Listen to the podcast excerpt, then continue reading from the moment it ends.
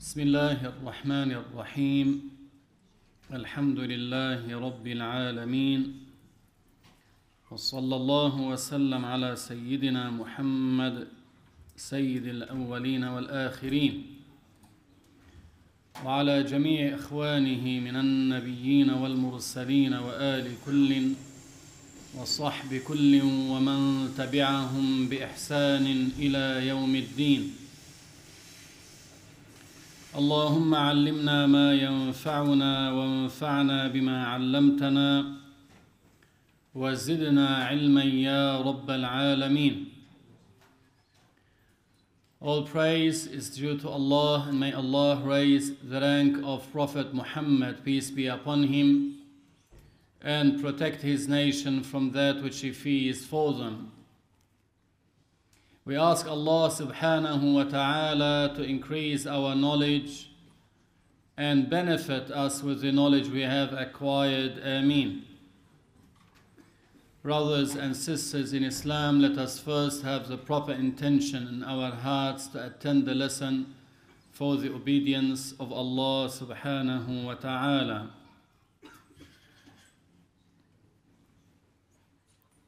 In our previous lesson, we talked about the setting in of the time of each prayer and how does it end. And we did mention that one is obligated to learn about these matters in order to be able to know the beginning and the end of the time of each prayer. And that some of the Maliki scholars mentioned that one would be lacking a great goodness if he is ignorant about the times of the five obligatory prayers. Because Allah Ta'ala said in the Quran, إن الصلاة كانت على المؤمنين كتابا موقوتا So the prayer has been ordained upon those who are obligated during its designated times. So each prayer has a designated time when it starts, when it, it ends, and one must make sure that he is performing that prayer within its due time, not before and not after. So it is an obligation upon the one who is accountable. And when we say accountable, we are referring to the Muslim who is sane and pubescent. Muslim, sane, pubescent, and pure to perform these five obligatory prayers in their due time, not before and not after.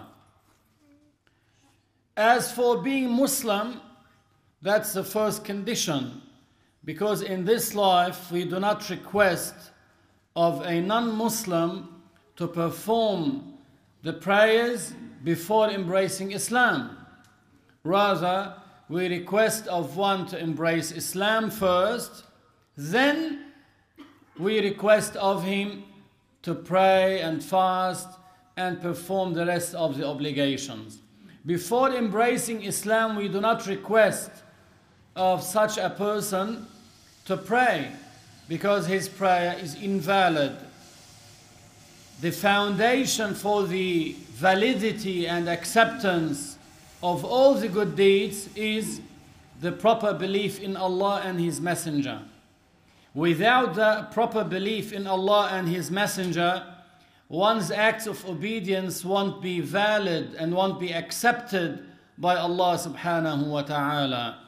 Allah said in the Quran, ومن يعمل من الصالحات من ذكر أو أنثى وهو مؤمن فأولئك يدخلون الجنة ولا يظلمون نقيرا.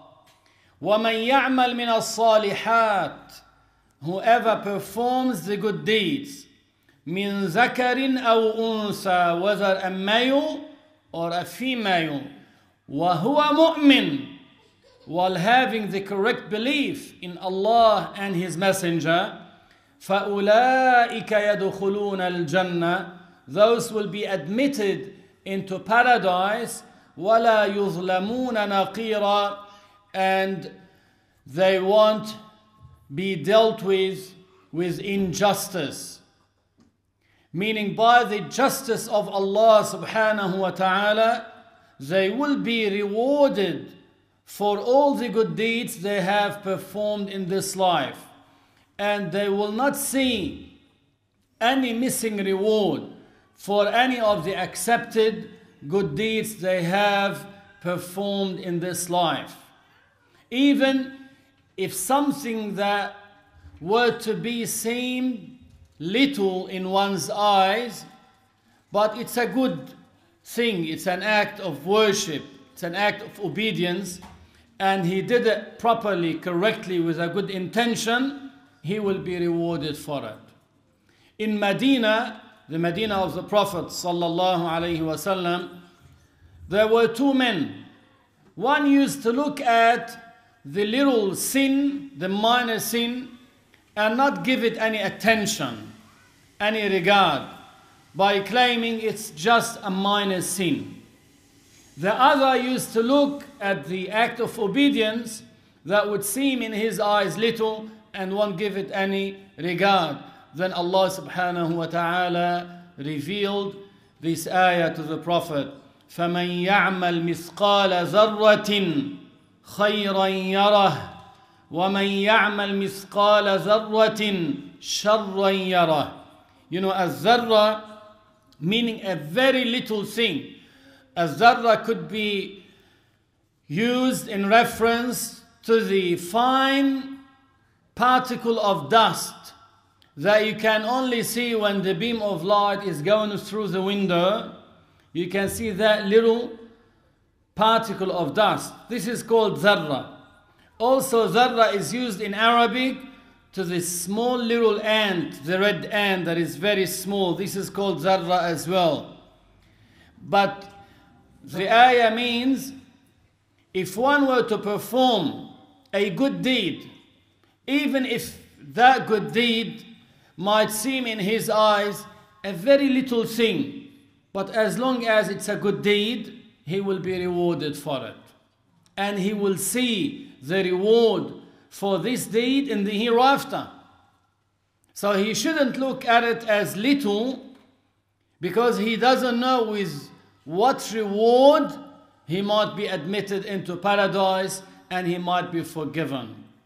The Prophet ﷺ said, اتقوا النار ولو بشق تمرة Save yourselves from hellfire even by donating half a date. What's half a date? Given to a poor person half a date. It might seem little in your eyes, but this could be a reason for you to be saved from hellfire and to be granted paradise without a prior torture because of this act that might seem little in your eyes. On the other hand, وَمَنْ يَعْمَلْ مِثْقَالَ ذَرَّةٍ شَرًّا يَرَهُ Also, if one were to commit what is equivalent to this particle of evil and without repenting from it, he will see that on the day of judgment. So one should not consider little the minor sins. So even if that's a good act of worship, it's an act of worship, it's a good deed, do it. He should not overlook them. The Prophet ﷺ in the hadith as well mentioned that if one were to make a donation from his halal money, from his halal money. And Allah does not accept donations unless paid from halal money. If one were to donate money from halal money with a good intention and it falls in the pan of acceptance, so it will be accepted by Allah Azza wa Jal. The Prophet said Allah might keep rewarding that person for it as one would be raising a little horse until it becomes big. So this reward will grow bigger and bigger and bigger, as the Prophet said, until it becomes like a mountain. Until it becomes like a mountain. So it is, it starts as a donation from a halal money with a good intention and it is accepted by Allah Azza wa Jal. So do not look at these deeds as it's something little. I want to do something, you know, more than this. Now, that could be a reason for your safety. And the Prophet wasallam said in the hadith that a lady, he mentioned a lady that will be in hellfire on the day of judgment because of what? Because of a cat. Because of a cat. That lady imprisoned the cat, did not provide it with food, and did not let it at large to go and look for its own food. She put it in a cage and left it until it died. She did not provide it with food and she did not let it go look for its own food. Until it died, the Prophet said that was a reason for this lady to go into hellfire. So even when you are dealing with animals, you know, there are rules in our religion. In Islam, Islam urges one to treat animals with kindness, even the animals. Even the animals. When a cat used to come to the Prophet sallallahu alaihi wasallam, do you know what he used to do? Sallallahu alaihi wasallam would have a little can, like container with water in it, because it might be difficult for the cat to drink. The Prophet wasallam would just put the container in a way, lower it to the cat so the cat can drink easily from this container. To that extent, the Prophet ﷺ was merciful even to animals. One of the companions said to the Prophet ﷺ, O Messenger of Allah, when I slaughter the sheep, I do all my best to show my best mercy towards her. And the Prophet ﷺ said to him, If you show mercy to the sheep, Allah will show you mercy. So Allah will grant you mercy in return. So you are showing mercy to what? To an animal. And Allah is granting you mercy as well. So that's why one needs to learn about these matters. So even if something were to seem little in your eyes, do not take it with ease if it's a sin. And if it's a good deed, it's an act of worship, also look at it as something great. So, first of all, for one to be obligated to pray the five obligatory prayers, he must be a Muslim. That's the first condition. We do not request of a non Muslim to pray before embracing Islam. First, we ask the person to embrace Islam. So if someone comes to you and he's non-Muslim and he says, I want to pray, say to him, embrace Islam first. Then pray. So first we request of the non-Muslim to embrace Islam by uttering the two testifications of faith. Not as some ignorant people do. If someone were to embrace Islam and he says to them, I want to become a Muslim, they say to him, billah, go have a shower first, then come back. He might die before having his shower. You cannot delay one from embracing Islam. Not even for the slightest period of time, the shortest period of time. You do not delay him. If someone were to come to you in the shopping center, at your university, at any place, and he says, I want to become a Muslim, say to him straight away, say La ilaha illallah Muhammadur Rasulullah. Then after that, say to him, I'll take you to someone who will teach you about Islam. If you know yourself you are unable to explain the principles and the fundamentals of our religion, say, I'll take him. But when? After you tell him to embrace Islam. So you do not delay anyone from embracing Islam. Delaying him means you are accepting for that person to remain as an unbeliever for that period of time. And Allah Ta'ala said, وَلَا يَرْضَى لِعِبَادِهِ الْكُفُرِ Allah does not accept blasphemy from the slaves. So you cannot accept blasphemy from the slaves. If someone were to come to you to become a Muslim, say to him, say, La ilaha illallah, Muhammadur Rasulullah. If he doesn't know how to say Muhammad and he's saying Muhammad, say to him, say, Abul Qasim is the messenger of Allah. Because the Prophet was known by his eldest son, Al Qasim. Abu Al Qasim is the name of the Prophet. So say to him, say Abu Al Qasim is the messenger of Allah. You cannot delay him from embracing Islam. Even if you don't have that knowledge to explain to him. He's coming to you and he's telling you, I want to become a Muslim. Say to him, say La ilaha illallah Muhammadur Rasulullah. After that, take him to a lesson to someone who will teach him. Don't say to him in the first place, Look, I don't have knowledge.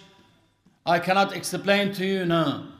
Tell him to embrace Islam first. Then, after that, you might take him to someone who is knowledgeable, who can explain to him about the fundamentals of our religion.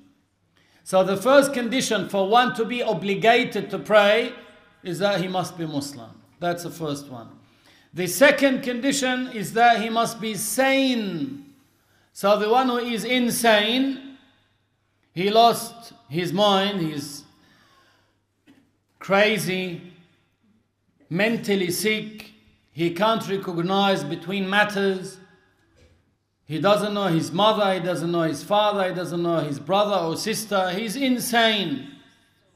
If a person is insane, he is not obligated to pray and he is not obligated to fast and so on. So he must be sane. Some people might become insane, let us say for a couple of days in a year. Some people might get insane for one week. You know, some people with dementia, you know, might have the loss of mind for a period of time, for hours, then they might become sane again, and so on.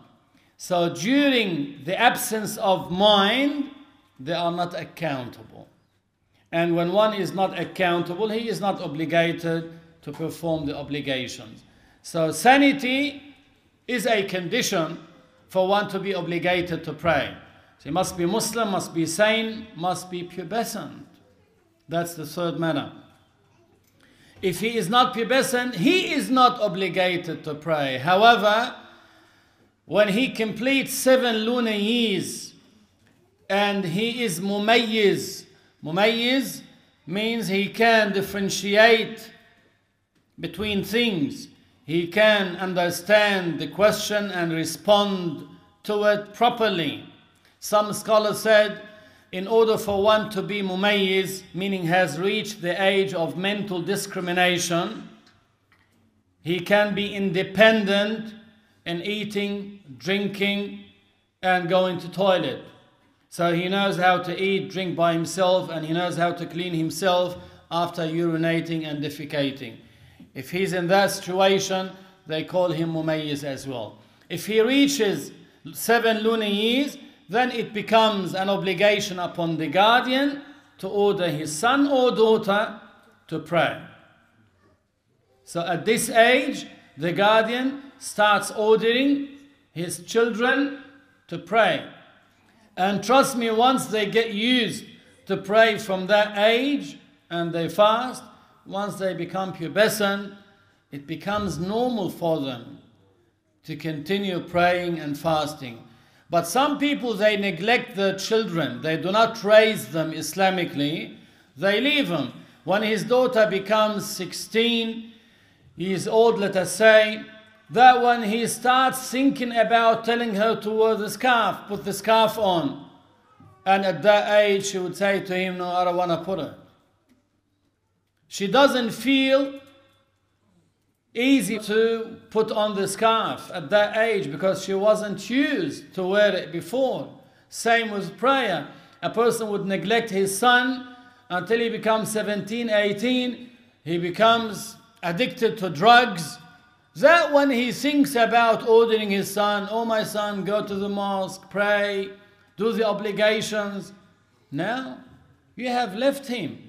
You have neglected him all that period of time he reached the complete destruction. Now you want to rectify him, it becomes very difficult. So from the beginning, one has to keep monitoring his children day after day to make sure that they are performing these acts of obedience. So from under puberty, he would start telling them to pray. From the age of seven lunar years, he would order them to pray so they get used to it. Once they become pubescent, they pray and they will find no issue with it. So um, he must be Muslim, sane, pubescent. The last thing is pure. Pure here is in reference to the female in particular who is not in the state of the menstrual period or the postpartum bleeding period. That's in reference to this case. Because if one is in the state of major ritual impurity because of having intercourse with his wife, so if one were to have intercourse with his wife, then both will be in a state of major ritual impurity. So, in order for them to be allowed to pray, they must perform the purificatory bath but they're still obligated to pray. But all what they need to do is they have to perform the purificatory bath first, but they're still obligated. But when a person is not obligated to pray, we said, so if someone is insane, he is not obligated, he's not accountable to pray.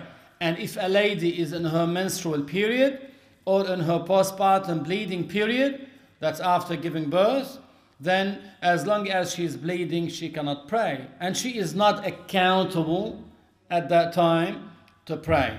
But when she finishes her period, now she has to pray. But she must perform the purificatory bath before praying. So that matter, when the scholar says pure, they refer to this matter, to this case. So the lady is not in her menstrual period or in her postpartum bleeding period. So who is obligated to perform the five obligatory prayers? The Muslim who is sane, pubescent, and pure. He must perform these five obligatory prayers within the designated time, not before and not after. What happens if one performs the prayer prior to its setting in time? It's not counted. It won't be valid. So if one, as we mentioned last week about subh prayer, you know, the true dawn, that is preceded by the false dawn. If one were to wake up at night and he sees light outside, he thinks it's time for subh prayer and he performs subh then he realizes after few minutes that now subh has set in. So when he prayed, he prayed before the setting in of the subh prayer, the dawn prayer. His prayer is invalid. He has to re-pray the dawn prayer after the true dawn. So he cannot just say, yeah, I already performed the prayer, I'm not going to repeat it. No, he has to repeat it. He has to repeat it. So it must be prayed within its designated time.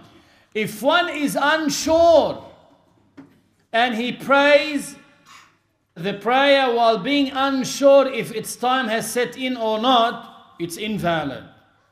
One of the conditions of the validity of the prayer is that one must be sure that the time of the prayer has set in. So that means if one were to wake up at night and while being unsure if the Subah prayer has set in, the time of the Subah prayer has set in, he's not sure.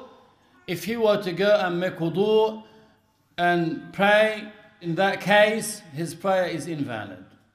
So he must make sure that the time of the prayer has set in. What about if one performs the prayer, but after its time is over? It is valid, however, he is sinful for deferring the prayer until its time is over without an excuse. He is sinful, but it will be classified as a make-up, qada.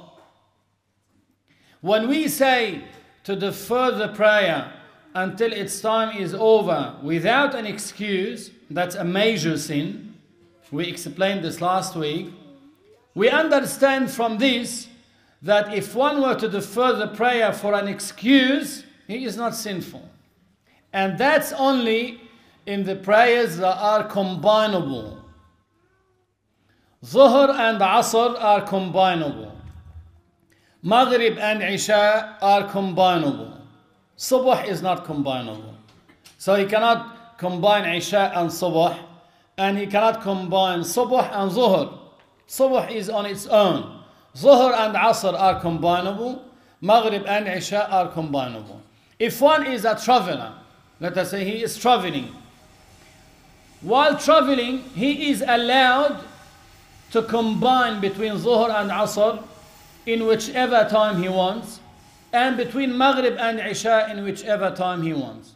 So he can either pray Zuhr first in its time, and while praying Zuhr, he puts the intention in his heart to bring Asr forward to the time of Zuhr. And after making Salam, he would stand up and pray Asr. And he can shorten the prayers. So the four rak'ahs can be shortened into two. Instead of praying four, he would pray two rak'ahs. So if one is a traveler, he is allowed to combine between Zuhr and Asr and to combine between Maghrib and Isha in whichever time he wants, either by bringing Asr forward to Zuhr time or by deferring Zuhr to Asr. He has the option to do either.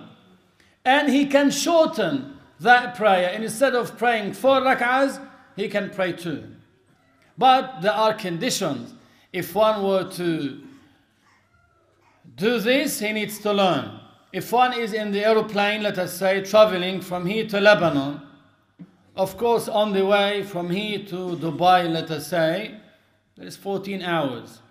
And he wants to pray while in the plane. Yeah, he has to pray. He can combine between the prayers and he can shorten the four rak'ah cycle into two. If he wants to pray Zuhr first, while making takbir, opening takbir, Allahu Akbar, he puts in his heart the intention that he's praying Zuhr shortened. Or he can say, I now pray Zuhr two rak'ahs. So it's known as shortened. He can either say this or that in his heart while he's praying zuhr at any time, just before making salamu alaykum. Yani before, as long as it's before saying assalamu alaykum, finishing the prayer. At any time in the prayer, he needs to put the intention in his heart to bring asr to zuhr. By doing so, after he makes salam, after two rak'ahs of zuhr, he can stand up and say, while saying Allahu Akbar in his heart, I now pray Asr two rak'ahs. And he prays Asr two rak'ahs. Or for instance, at this time, he deferred Zuhr to Asr. He can. When Zuhr time finishes, it's now Asr time. he prays Zuhr two rak'ahs first. Then after making salam, he prays Asr two rak'ahs. And he needs to intend to pray shortened or two rak'ahs. So that's when he is traveling. Another reason, according to Imam Shafi'i radiallahu anhu, where one is allowed to combine but not shorten. Remember this shortening the prayer is only allowed while one is traveling. It's only one case. Only when one is traveling. But combining, there are other reasons. He can combine when he is traveling, according to Imam Shafi'i. So if he's a traveler, he can combine between the prayers. According to Imam Abu Hanifa, he doesn't combine. He just shortens the prayers. So instead of four, he prays two, but he doesn't combine between these prayers. According to Imam Shafi'i, he can combine and shorten when he is traveling. A distance, where he is allowed to shorten that prayer for that distance. And according to Imam Shafi'i radiallahu anhu, according to one of the sayings, it's about 80 kilometers. So if he is traveling that distance from the boundaries of his hometown to the boundaries of the town he is traveling to, the distance between them must be the number of kilometers, around 80. That's according to one of the sayings of Imam Shafi'i. Now, if one is sick, he still has to pray, even if he is sick, even if he is in the hospital, he needs to pray. But instead of praying each prayer in its time, he can combine between Zuhr and Asr according to Imam Shafi'i, as we mentioned, or between Maghrib and Isha. So even if they put the drip for him, and let us say he got the plaster on half of his body or all of his body, he needs to pray. Yeah, but according to his case. Even if one, he cannot move, he needs to pray. He, what does he do? He needs to pray. How? We're not going to tell him, stand up. No, but there is a way for him to pray. If he is in bed, he can pray while lying down in bed. Someone might help him to wash the parts of wudu if they are exposed. If he has plaster, let us say, he might wipe on it, but and make tayammum and the like, but he needs to pray. So if unable to pray while standing, he prays while sitting down. If unable while sitting down, then while lying on his right side. If unable, then on his left side. If unable, on his back and he can raise his head a bit, you know, in the bed, that medical uh, bed, he can put his head up towards the Qibla so he can pray. If he is unable to do this while fully lying down on his back, he can. He tries to move his head to lower it for ruku' and to lower it more for sujood. If he cannot move his head, the scholar said by his eyes he would imagine himself making ruku' and sujood by his eyes. So he can close his eyes partially for ruku' and more for sujood. He doesn't have to close him fully, but he can close him for sujood. But he cannot close his eyelids for ruku' because he won't be able to do something more after that for sujood. So he might close a bit of his eyelids for ruku', then more for sujood, but he needs to pray and while reciting by his mouth. If he cannot recite even by his mouth, on his heart, he can pass all the integrals of the prayer on his heart. If he cannot on his heart, he might be dead in that situation. But he needs to pray as long as he is, as we mentioned, Muslim, sane, pubescent, and pure. He needs to pray. How many people these days you find them missing out prayers just because they are driving, let us say, for a long distance? They don't stop to pray. But if he needs to go to toilet, he will stop. Even in the bush, he will stop. But why he doesn't stop for praying? That's laziness. A lady might say, yeah, I need to have wudu, it's hard for me, it's difficult. Yeah, but if you need to go to toilet, you will stop at any petrol station, at any shopping center, at any place. So why in the prayer you want to be lenient about it? No, they need to pray. Some people might miss out prayers because they are at work. Being at work, being at uni, that's not an excuse for you not to pray. And don't worry about others. Some people, like in the plane, they feel, they say, oh, I feel embarrassed. How could I ask the flight attendant that I need to get up and pray? You feel embarrassed to tell him, I want to get up and make wudu and pray? Or if you go to toilet in the plane, make wudu, and you want to take a corner to pray, you feel embarrassed? Why? Tell them, I want to pray. They cannot stop you. You need to pray. That's not an excuse for one not to pray if he is in the plane. Just keep that in mind. So, the second, if you are sick, if you are sick, then you can combine between the prayers, whether by deferring Zuhr to Asr or bringing Asr to Zuhr, same with Maghrib and Isha, but you need to pray without shortening. That's if you are sick, that's another excuse according to Imam al-Shafi'i radiallahu anhu. Now I'm gonna talk about something very important that needs concentration from you. Many people are unaware of this because they do not learn about these essentials. Especially the ladies, when they have the menstrual period and when it finishes, they don't know what prayers they have to pray. The scholars explain this in detail. They said,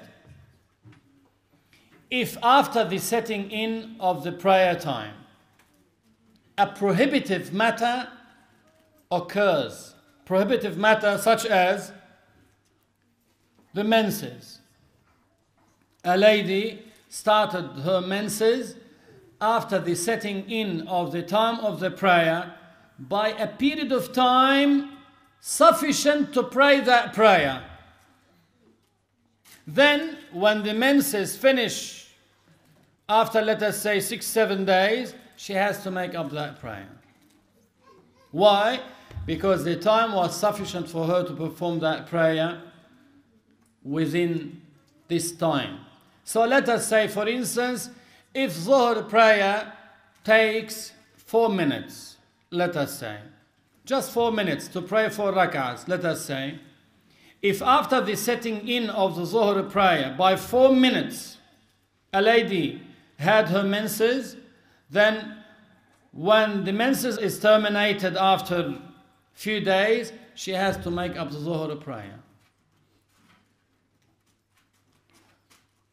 This is based on the case that she can perform wudu prior to setting in of the time of the prayer. But if she is in a case where she cannot perform wudu prior to the setting in of the time of the prayer, then we need to add to the time of the prayer time for purification. So we say purification plus prayer. Who cannot perform wudu before the setting in of the time of the prayer for that prayer? The person who is inflicted with incontinence of urine. Some people might be inflicted with incontinence of urine, meaning they drip urine all the time, non stop. So, in that case, such a person who is inflicted with this matter, he needs to wait for the setting in of the time of each prayer, then he would clean himself and put like a cloth, try to prevent as much as he can the dripping of urine, then he would perform wudu and pray. So he needs time for purification. Same with the lady that is suffering from what they call it dysfunctional uterine bleeding. Dysfunctional uterine bleeding That means bleeding due to sickness. The lady is called mustahada in this case. A lady might see the blood continuously as well, non-stop. What does she do? She needs to pray. But there is a special case for her. So such a lady that is, let us say she saw the blood for 15 days, that's the period, then it stopped. So now she's expecting another 15 days of non-bleeding period, non-bleeding interval, because the maximum for the menstruation is 15 days. And the minimum for non-menstrual interval is 15 days. After, let us say, a couple of days, she started seeing the blood again. She has to pray. But if it is continuous, meaning all the time, so what does she do? She has to pray each prayer in its time and she has to make wudu for each prayer. So she cannot make wudu, this lady, before the setting in of the time of the prayer. She needs to wait until the time of the prayer has set in, then she can make the purification, then she can pray. So, in such a case, for this lady and the one who is suffering from incontinence of urine, we need to add time for purification. So, if let us say, for instance, he needs six minutes for purification and four minutes for the prayer, that's 10 minutes now. As an example, I'm giving. So I'm assuming if 10 minutes it needs now, and one was in that case, we say if after the 10 minutes that prohibitive matter occurred, the prohibitive matter could be the menstruation, could be that one became insane or uh, went into coma, let us say. So that's a prohibitive matter. Lost his consciousness. Then, when he becomes conscious again, he has to make up that prayer. So, let us say someone had a car accident and he went into coma for three weeks. Then, after that, he became conscious again. What does he have to pray? Which prayers he needs to make up? Only that prayer at the beginning. When there was a time that lapsed from it and it was sufficient for him to perform that prayer. He makes up that prayer. Not the other prayers when he was unconscious in coma, he doesn't have to make them up. So that's regarding the beginning of the time. Don't mix up between the two. Now we're going to talk about the termination of that prohibitive matter, and that is towards the end of the prayer. Let us say a lady, as we mentioned, after Zuhr prayer by about four minutes, she had her menses. So basically, now you understand she has to make up Zuhr prayer later on.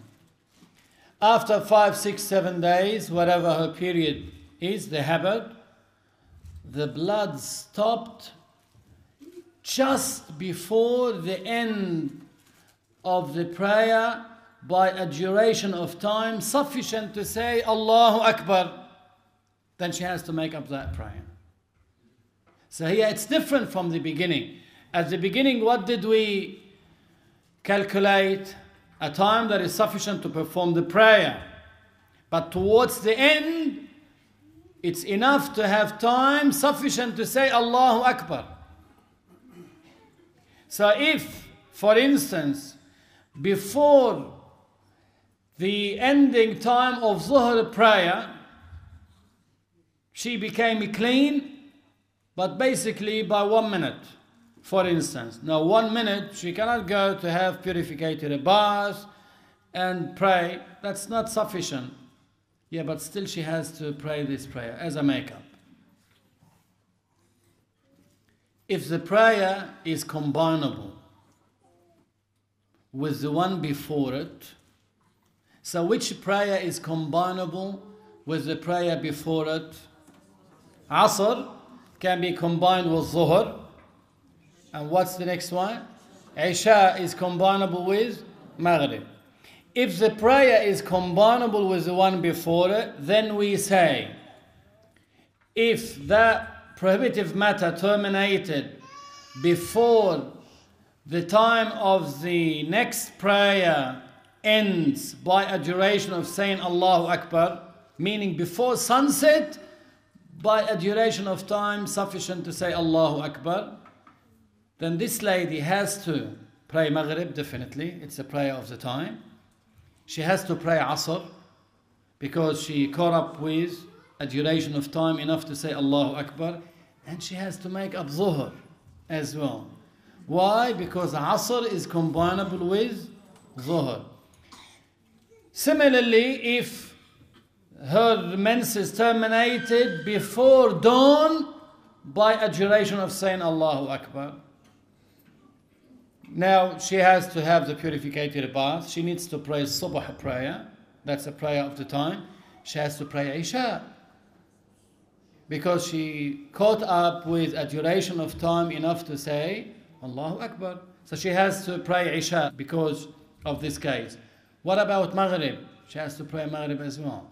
Because Isha is combinable with this prayer before These matters are very important because some people, and many, I'm telling you, many ladies do not ask about these matters, so they don't know what, what they have to pray. Which prayer they missed out, which prayer they have to make up they are unaware of these matters. They shouldn't feel shy to ask about these matters and remember what our lady Aisha radiallahu anha said the best women are the women of Al Ansar in Medina. Shyness did not stop them from acquiring the knowledge about religion. We ask Allah subhanahu wa ta'ala to increase our knowledge and benefit us with the knowledge we have acquired. Ameen and Allah subhanahu wa ta'ala knows best. We say La ilaha illallah and we make salah on the Prophet sallallahu alayhi wa sallam.